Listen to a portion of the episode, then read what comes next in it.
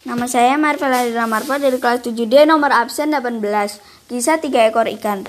Di sebuah kolam ada tiga ekor ikan bernama si pandai, si setengah pandai, dan si bodoh. Pada suatu hari ada pencari ikan bernama Pak Dewo. Pak Dewo ingin mencari ikan untuk anaknya. Anaknya ingin ikan hidup untuk dijadikan teman bermain. Pertama, ada seekor ikan bernama si pandai yang Si pandai melihat Pak Dewo ingin menangkap ikan. Dengan cepat si pandai melemparkan tubuhnya ke kaki Pak Dewo. Tidak lupa si pandai juga menahan nafas dan berdiam tidak bergerak. Karena Pak Dewo melihat si pandai tidak bergerak dan tidak bernafas, Pak Dewo langsung melemparkannya kembali ke kolam. Akhirnya si pandai selamat. Lalu ada si setengah pandai. Si setengah pandai yang melihat si pandai lolos langsung bertanya kepada si pandai, Kok kamu bisa lolos dari cengkraman si pencari ikan itu? Bagaimana caranya?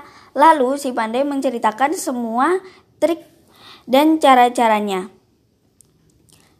Lalu si setengah pandai langsung melakukannya.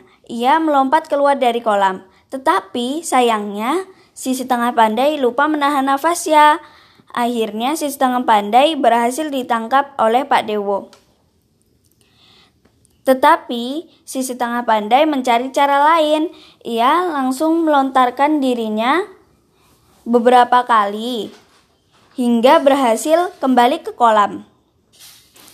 Lalu ada si bodoh. Si bodoh telah mengamati semua yang dilakukan oleh teman-temannya. Si bodoh tanpa bertanya langsung melompat keluar.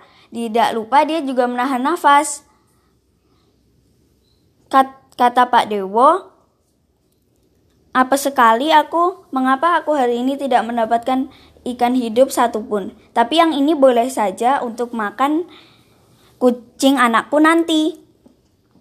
Lalu Pak Dewo mengambil si bodoh dan menaruhnya di jaring bukan di ember.